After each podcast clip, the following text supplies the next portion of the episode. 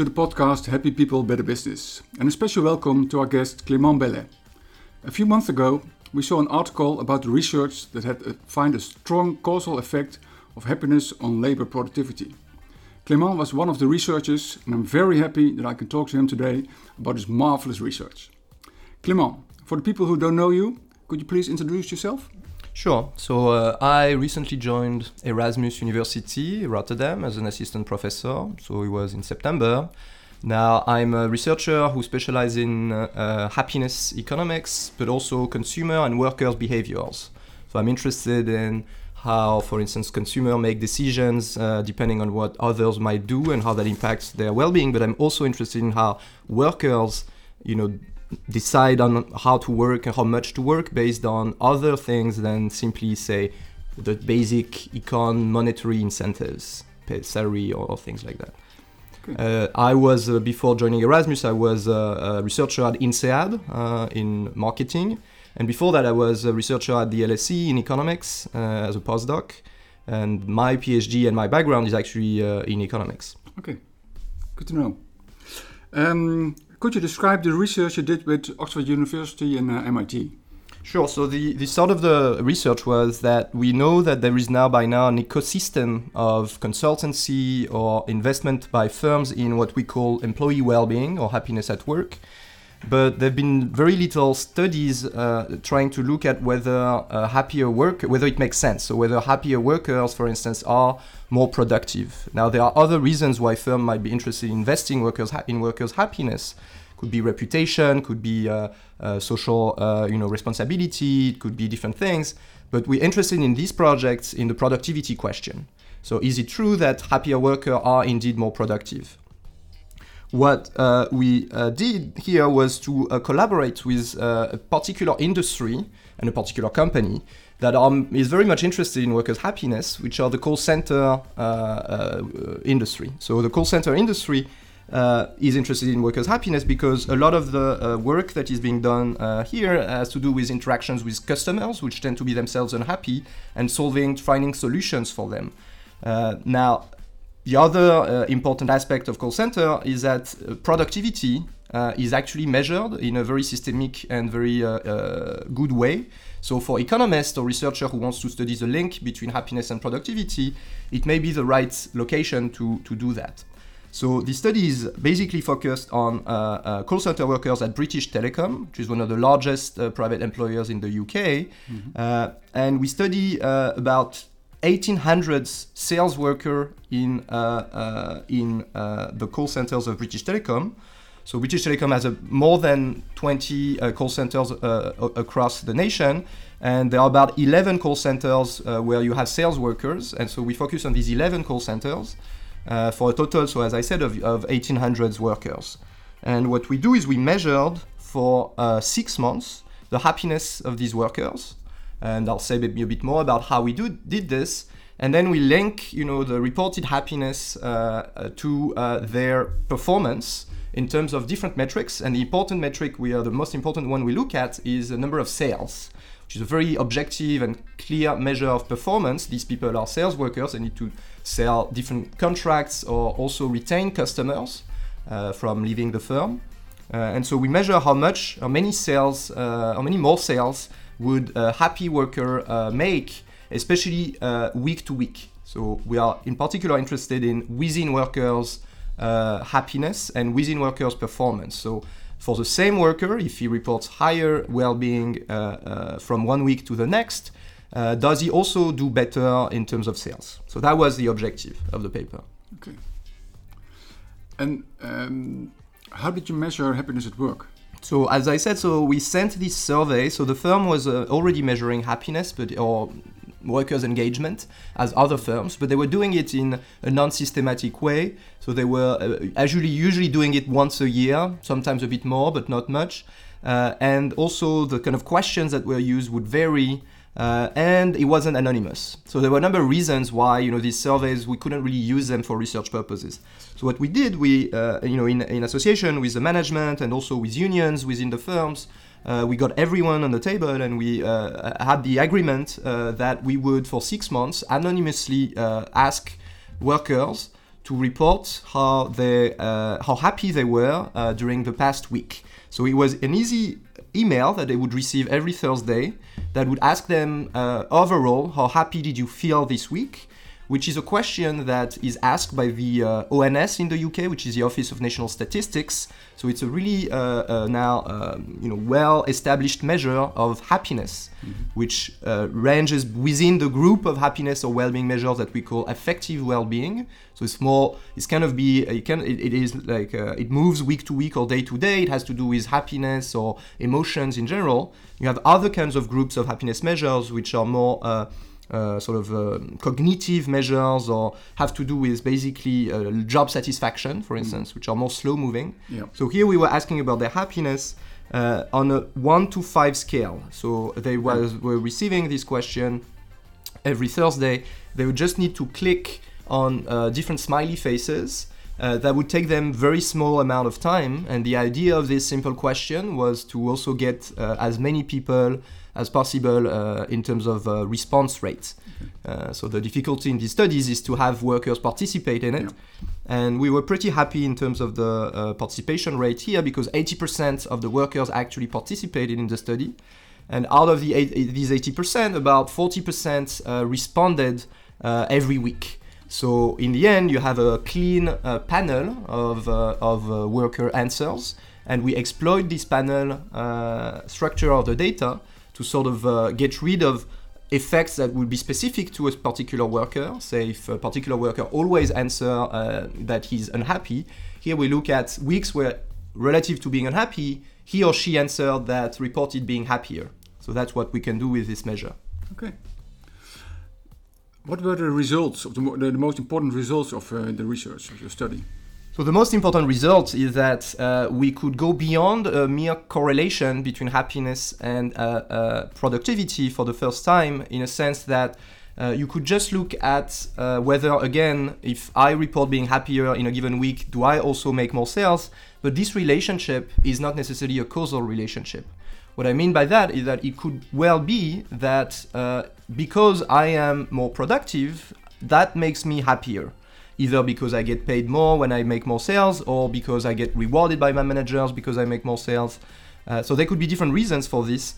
Uh, the other possibility would be that uh, when I work more, uh, I am less happy because I'm sort of emotionally exhausted. Yeah. And so that would also bias the coefficient or the uh, estimate we get uh, in a very simple uh, uh, sort of correlational within worker estimate, which is already an interesting result. So that result tells you that if you are from if you go from being the least happy to the most happy, your uh, sales would increase by 13%.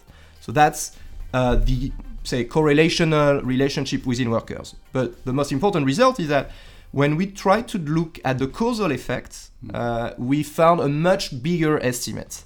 So we found that uh, in the end, moving from one point in this happiness scale, which doesn't happen so often, um, in a sense that most workers actually would, would move slightly on the scale, not big amount, that would increase their happy their sales by 24%, 20%. So um, how did we get to this causal relationship? Yeah. You may ask, uh, you know, which is a, which is the difficult part. Mm-hmm. So here, what you want to do is ideally is you want to have a shock on their happiness that is unrelated or uncorrelated to their performance, to their productivity, uh, and see how that shock then relates to performance and productivity. So uh, you don't want a direct effect on uh, productivity, you want the indirect effect that goes through happiness only. So one thing you could do is to basically uh, ask the firm to, for instance, show uh, happy movies or different things to their workers and then look at how that impacted their performance. Now we couldn't do that so what we do is we rely on what economists call instrumental variables. So this is looking at a, a change uh, in uh, the context that workers face locally, in particular, uh, that would again only uh, uh, affect their happiness but won't affect their performance. What we did is to exploit local weather shocks, in particular bad weather. So whether it rains a lot, whether it was foggy and, and no sun, And we know from the past literature that the weather has a very important impact on people's mood and happiness. It tends to depress people. Especially in England. Especially in England. So you could say, okay, it's always bad weather in England. It turns out actually that there are a number of weeks and number of locations where, you know, it's not always the case. And so what we do actually is we, we look at uh, within a given week across different locations because we have these more than 11 locations for six months uh, there would be days and of the week where suddenly you know it started raining a lot, but in other places of the Netherlands, of the sorry of the UK, uh, it was very sunny, and so you would expect that then in these locations, workers would be slightly happier than in these other locations. And this is unrelated to the actual workload or demand in these different call centers because the demand here uh, for uh, you know these uh, telecommunication services are nationally the demand is national, and then uh, they randomly allocate these calls to different call centers. Okay, the, so we tried to check indeed that there was no direct link between the weather and the performance of these workers in a sense of uh, for instance, uh, um, you know, preventing them from going to work or attending less often work or favoring leisure activities over work activities, these different things, and we didn't find didn't find any evidence for that. So when we found, then we look at the variation of their happiness that is explained by weather and how much of that specific variation uh, explains sales. And here we find a much higher effect. So this effect should be, in a sense, uh, uh, you know, um, should remove any bias that has to do with happiness itself affecting performance. And so we found a much stronger effect. Great, thank you. And how um, did you come up with the weather as a variable? So the idea was again based on prior research on this link, which is that um, in uh, in uh, the happiness economics literature, there's been a number of studies looking at weather and climate and show the consistent effect of weather on mood. So that's one thing. The other thing is there were actually a couple of papers uh, that looked already at weather and performance but were not able to measure mood or happiness directly and made that these claims in a sense that this was going through mood or through happiness. For instance, this paper that looks in the US at uh, how much weather impacts judges' decisions in court, for instance. Uh, and so we basically said, okay, now we have a measure of happiness. Uh, we want to have a shock in the UK, across the UK, that would sort of quasi experimentally almost uh, affect their happiness. Weather should be the best uh, measure for that uh, because you know it can be collected it varies across locations and it is also varying over time. So over a six months period you would have a lot of variation in whether it was good weather or bad weather.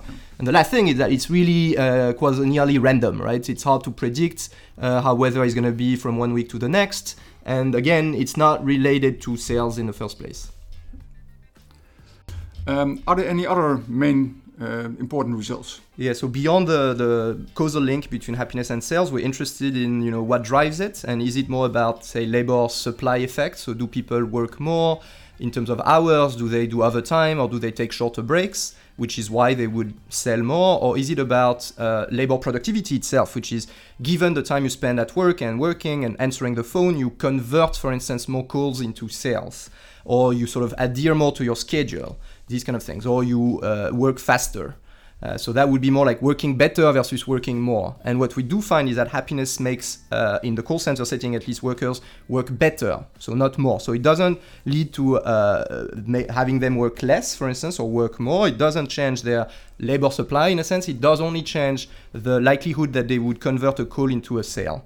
Uh, and when we try to look at what may explain that, a lot of it may be related to this idea of emotional labor. So if you're happier, you're also more, uh, you know, likely to connect with people, uh, to be able to uh, emotionally use your, uh, you know, uh, so use your emotions to sort of relate and negotiate with people and trust, and people may more, be more likely to trust you, which would lead to higher sales. So that's one possibility. And so yeah, that's another important, I think, result. Great, thank you for people who are not into research on a daily basis, um, what is the difference between a causal relation and correlation? So typically, you know, if you think, for instance, of uh, say the sales of ice cream or the sales of uh, sunglasses and the sales of sunglasses, there's a correlation between these two, right? So the more ice cream you are gonna buy, probably sell or sell, the more uh, sunglasses are also gonna be sold. Now, does that mean that uh, uh, if you, uh, you know, selling more ice cream causally explain the fact that people buy more sunglasses? No. So one reason here is that you have what is called an omitted variable, which would be temperature, for instance. So during uh, sunnier days, people would buy more sunglasses and also ice cream. In the case of happiness and performance, for instance, this omitted variable could be customer satisfaction, typically. So it could, in general, you know, it could be that people who uh, you know workers get on the phone are either happy or unhappy and that affects that itself affects their happiness level. And if you're happy as a customer you're also more likely to sell to buy for instance. And so this link between happiness and sales could just be explained by customer satisfaction which is why you need again some uh, way to uh, uh capture only workers happiness and not customers or local demand. And so again whether because customers are nationally allocated and not locally allocated local weather should not affect customer satisfaction. Uh, another issue with uh, correlation and causality is what people call reverse causality. So, as I said before, you could have indeed a correlation or positive link between happiness and performance, but it's hard to say whether it's uh, happiness that leads to higher performance or whether it's higher performance that leads to happiness. Mm-hmm. And so, to sort of look at the causal effect, what you need again is to have uh, only a variation in happiness that cannot be directly explained by a variation in performance, which is what we did here with weather. Thank you. Um, how extraordinary was it that you find a causal relationship between happiness and labor productivity? So, in other way, what is the impact of your the results of your study? So one could say that you know it's uh, it's uh, it shouldn't be as surprising as as as you know as we as we claim or we don't necessarily claim it's surprising. We first of all claim that it's a first study that really looks at this causal relationship. Uh, now, in the business, in particular in the business of involving, you know, interactions with customers, uh, customer services, things or things that can be easily measured, uh, when performance, for instance, cannot be easily measured or, or monitored. Uh, you know, managers know actually that, uh, you know, people's emotions or attitudes or intrinsic motivation to work, for instance, really are what matters.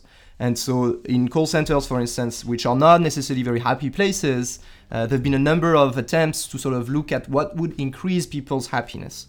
So it wasn't extraordinary, but it was, I think, interesting and important that we do uh, back up the idea that um, creating workplaces where workers experience the least you know, unhappy moments is probably not only a good thing for workers but also for employers. Uh, in a sense, you know, this link between happiness and performance uh, um, sort of reunites possibly the interests of managers and the interests of workers. Now, it's not always the case. You know, it could be that actually there is a trade-off between how much it would cost the firm, for instance, to increase workers' happiness and you know how much it benefits, which we're not really able to do. So this sort of business case for happiness, we're not fully able to make it in the frame of this paper because uh, we don't look at you know the cost again of increasing people's happiness. We exploited local weather shocks. What you could do or what you would like to do in the end would be to sort of test a number of policies that would or supposedly uh, uh, would uh, increase workers' happiness um, and hence measure the product performance of these measures, the impact of, on productivity. So there's been a couple of papers, for instance, that looked at impact of working from home or giving more workers autonomy or things like pay inequality within firms. So different things like that. How much does that uh, lead to higher performance? And they found that there was both an impact on performance and an impact on uh, job satisfaction or happiness now, again, in these studies, you don't know what causes what. You know whether uh, you know it was both happening at the same time, or it's because people were happier than they were that they were more productive. Uh, but sort of evaluating these management measures, trying to make the case of how much it would cost the firm and how much it would benefit, and sort of making uh, the case for uh, you know the design of new work environments uh, where people sort of both thrive psychologically speaking, uh, but also you know are indeed work uh, places that just are efficient and are you know successful would be I think and are the sort of consequence of that sort of study. Uh, so.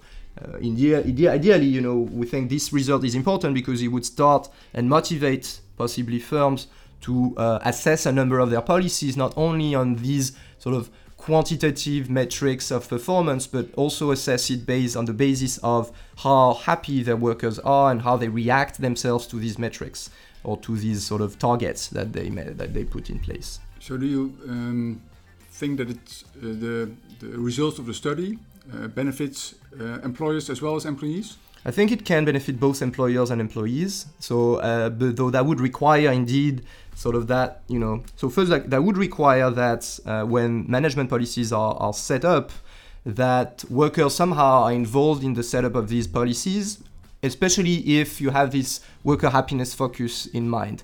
If the idea is to both, you know, uh, increase performance uh, within the firm, but also affect or through the happiness of workers, you need to have them involved in it. And so uh, here, you know, again, the idea of looking at weather was uh, sort of uh, allowed us not to engage in that discussion.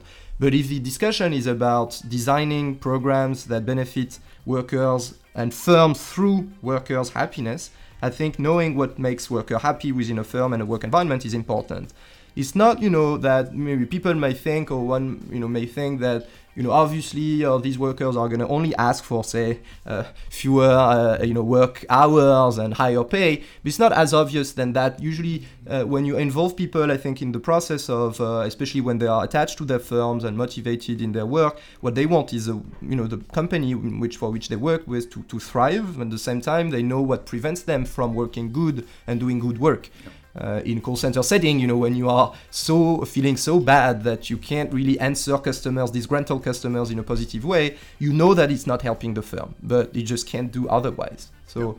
I think yeah, I think it can ultimately, and I hope it can benefit both sides. Yeah, but um, what you just uh, um, made clear is that the, the employer shouldn't see it as a productivity tool okay, guys, uh, let's be happy because uh, otherwise we don't get productivity. Exactly. That, that obviously wouldn't work, right? That would definitely backfire. So I think uh, you know what we show in this study is that if you manage to do it to increase indeed workers' happiness, that would work. But now, how do you do it? It's a much more complex issue. Uh, and it's a very important issue, though. Uh, I think if you ask in, in, a number of countries now, these studies have been done. Um, you know, using, for instance, time use uh, type of surveys in the U.S. or in France. Uh, that if you ask people, you know, in different kinds of uh, activities, how happy they are, actually the least happy places tend to still be workplaces. So I think there's a lot of you know margin of improvement, and so yeah, definitely managers shouldn't see it see this as a sort of a mere productivity uh, or productivity increasing tool. They should see it as a call for uh, you know sort of integrating internalizing that sort of worker uh, feeling and happiness and emotions in the kind of uh, um, general strategies that they set up to uh, increase the performance of their firms. Okay. And um, if we elaborate on that, um, what would you think would be the top three, four, five um, advices, the tips uh, to do? To increase workers' happiness? Yes. So that's a hard, I think it's a bit difficult to say because that would depend mostly on the kind of uh, industry or the kind of you know um, possibly you know um, location even of these of these firms. But what I'd say is that the kind of two or three uh, elements that have been uh, now put forward, I think, are first the idea of autonomy, worker autonomy. So it's not an easy thing, especially in call center settings. There's a lot of monitoring, right? So people are being asked to do things uh, in very precise way, but it's probably actually uh, too much. so you know, and the reason why you know it, sometimes you know it hasn't been thought as being too much is because there wasn't a good measure of this sort of well-being aspect. Uh, and so just relaxing the monitoring, for instance, letting workers actually say things on the phone the way they want to say it rather than script based kind of things, or uh, also relaxing the kind of uh, uh time they need or targets they need uh, in terms of how many calls, for instance, they need to answer, which is not necessarily a good thing for sales. You know, sometimes what you want is to spend slightly more time with customers uh, to make them happier and then more likely, for instance, to buy or, or, or be satisfied with the service. Uh, so, for first of all, would be worker autonomy. I think it's an important thing. Then the other thing is sort of this idea of, of meaning, or this idea of why would you work for the firm? Like, what make, does it make sense? You know, and if people have a disconnect between their work and uh, um, you know the sort of values that they have, I think in general that's not a very good thing. So one possibility would be to uh, let them know, you know, for instance, why their work is important for the firm in general. So associate, have them associated with some of the either some of the decisions or at least uh, uh, tell them. You know, uh, that's one thing. Maybe the last thing would be, and related a bit to that, would be this idea of, of voice and expressions. So letting them say what's not working. And here workers. So there are a number of places where you know things don't work, but worker can't really say it, or uh, they say it to the direct manager. It's not easy, obviously it's not obvious that this will go to the top management. You know, so sort of looking at ways in which there could be a possibility of workers expressing uh, you know their opinion, I think is an important thing. And the last but not least, you know, obviously the kind of uh, you know sort of work-life balance story. So uh, working hours I think the time schedule, there are lots of things and lots of improvement that could be made here in terms of optimizing, you know, how much time at work, how much time out of work, whether people can actually spend some of the time at home, who could do this. A number of studies that have shown that even actually in call center settings, that if you allow people to sort of uh, select into uh, working from home or not working from home, which is not always a good thing. Some workers feel alone if they work from home, so they actually do want to go to the office. If you let them the possibility, number of days to just, you know, spend the time they want uh, working at home, you know, that may also have a very strong impact on the performance. So these are a few sort of uh, possibilities here. Great, thank you. Um, one of the recommendations in a study is, of course, uh, to do more research. Uh, what do you think can be the topic of a follow-up study? I think the topic of follow-up study would be now to sort of do exactly what I just said before, which is so, and out of these number of management policies, to sort of try to uh, convince uh, a firm or a company to uh, generate an experiment on the basis of these policies. So, for instance, allowing uh, workers to uh, express, you know, what they think is good or bad in the firm, and doing this in certain locations but not in others, and looking at whether this has an impact on workers' well-being, hence on their performance. So, first thing would be indeed having more sort of what we call field experiments in this field. So uh, that would test a number of management practices not only on the basis of their impact on just uh, performance, but measuring it also uh, in the sense of how that impacts workers' well-being, so that the link between well-being and, and performance in different cases can be made. So that's one thing. Yeah. So that another thing I think is important, which actually we talked about. Uh, uh, earlier, but mm-hmm. um, I think before the podcast started, so you, you may want to suppress that part. Yeah. Uh, but is the uh, uh, you know we talked a lot about workers and you know managers. So this is really internal to the firm but we didn't really talk about you know the people for whom uh, usually firms and companies and workers uh, do stuff which is the people who buy stuff or, or require these services so consumers.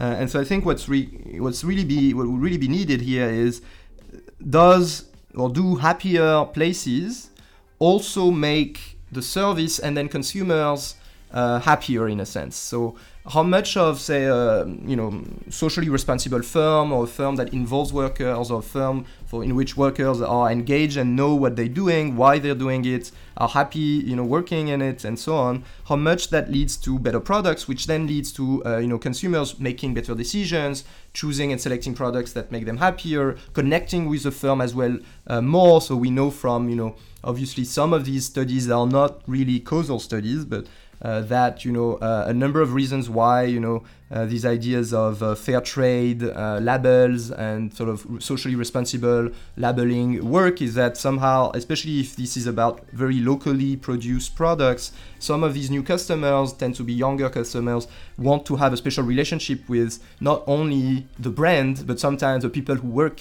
in the firm. And so want to know them want to meet with them or at least have their stories told and these kind of things. So the idea that you know you are buying from people that you may know that you can relate to and not from a brand name for instance is an interesting study and i think an interesting topic yes it is uh, and this hasn't really been uh, uh, looked at to my knowledge and so uh, that very much relates to this uh, what we've been talking about which is this idea that a firm is not only about its you know obviously it's management, but it's also about the uh, people who work in here. And uh, if you basically manage to get the link between workers, managers, and consumers, I think that would be a very interesting story. Okay. Um, Gallup does a lot of research in, in this field, mm-hmm. and uh, if we take a look at leadership, uh, then, then if you have a good manager, you will be happy. If you're a bad manager, you will be unhappy. Mm-hmm. Did you find any uh, significant things in your study related to, manage, to management or leadership? So, uh, and so unfortunately, we did not. So at least at this stage, so we have data on uh, managers, and we know that you know. So a number of these call center workers they do work in teams, even though this is a very autonomous kind of task. So they actually don't do a lot of teamwork in that specific case, at least. Uh, so you know, the manager still has a very important role, in particular in terms of monitoring. And we did measure uh, managers' happiness. Uh, so uh, a number of these managers were also reporting how happy they were in their work. And so uh, maybe a follow-up study, you asked me about follow-up studies, could also be actually to look deeper into that link between managers' happiness and you know performance and the team and the workers' performance.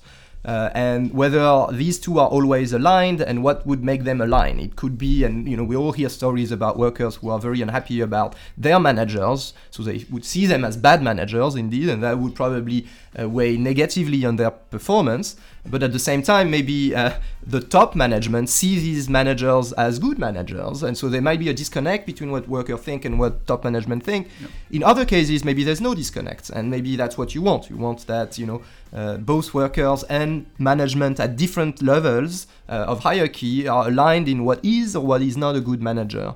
Uh, and so possibly again these metrics of happiness, worker satisfaction, and so on would be an interesting and a possible way to sort of assess this. So to your question, I think indeed bad and good management does have a very important effect. We do look at actually just uh, at the correlational level, uh, looking at, for instance, teams headed by different managers and the link between the average happiness of the team and the average performance. There is obviously a strong link between a team, hence a manager that tends to be happier, and a team, um, hence a manager tends to be less happy, and the performance of these teams. Uh, but this is a hard sort of uh, again the causal link here is hard to make also because in this setting uh, there are few manager uh, shifts so managers stay in the same team. What you would like ideally is over the course of the six months, right, to have some managers who move from one team to the next and sort of look at how you know does that impact people's happiness, for instance. Okay. Um, Clément, thank you very much for thank this. You. Uh, you took the time for this uh, interview. It was very interesting uh, to talk about uh, your, uh, in, in, my case, in, in, my opinion, very significant uh, research. Thank you very much. Thank you.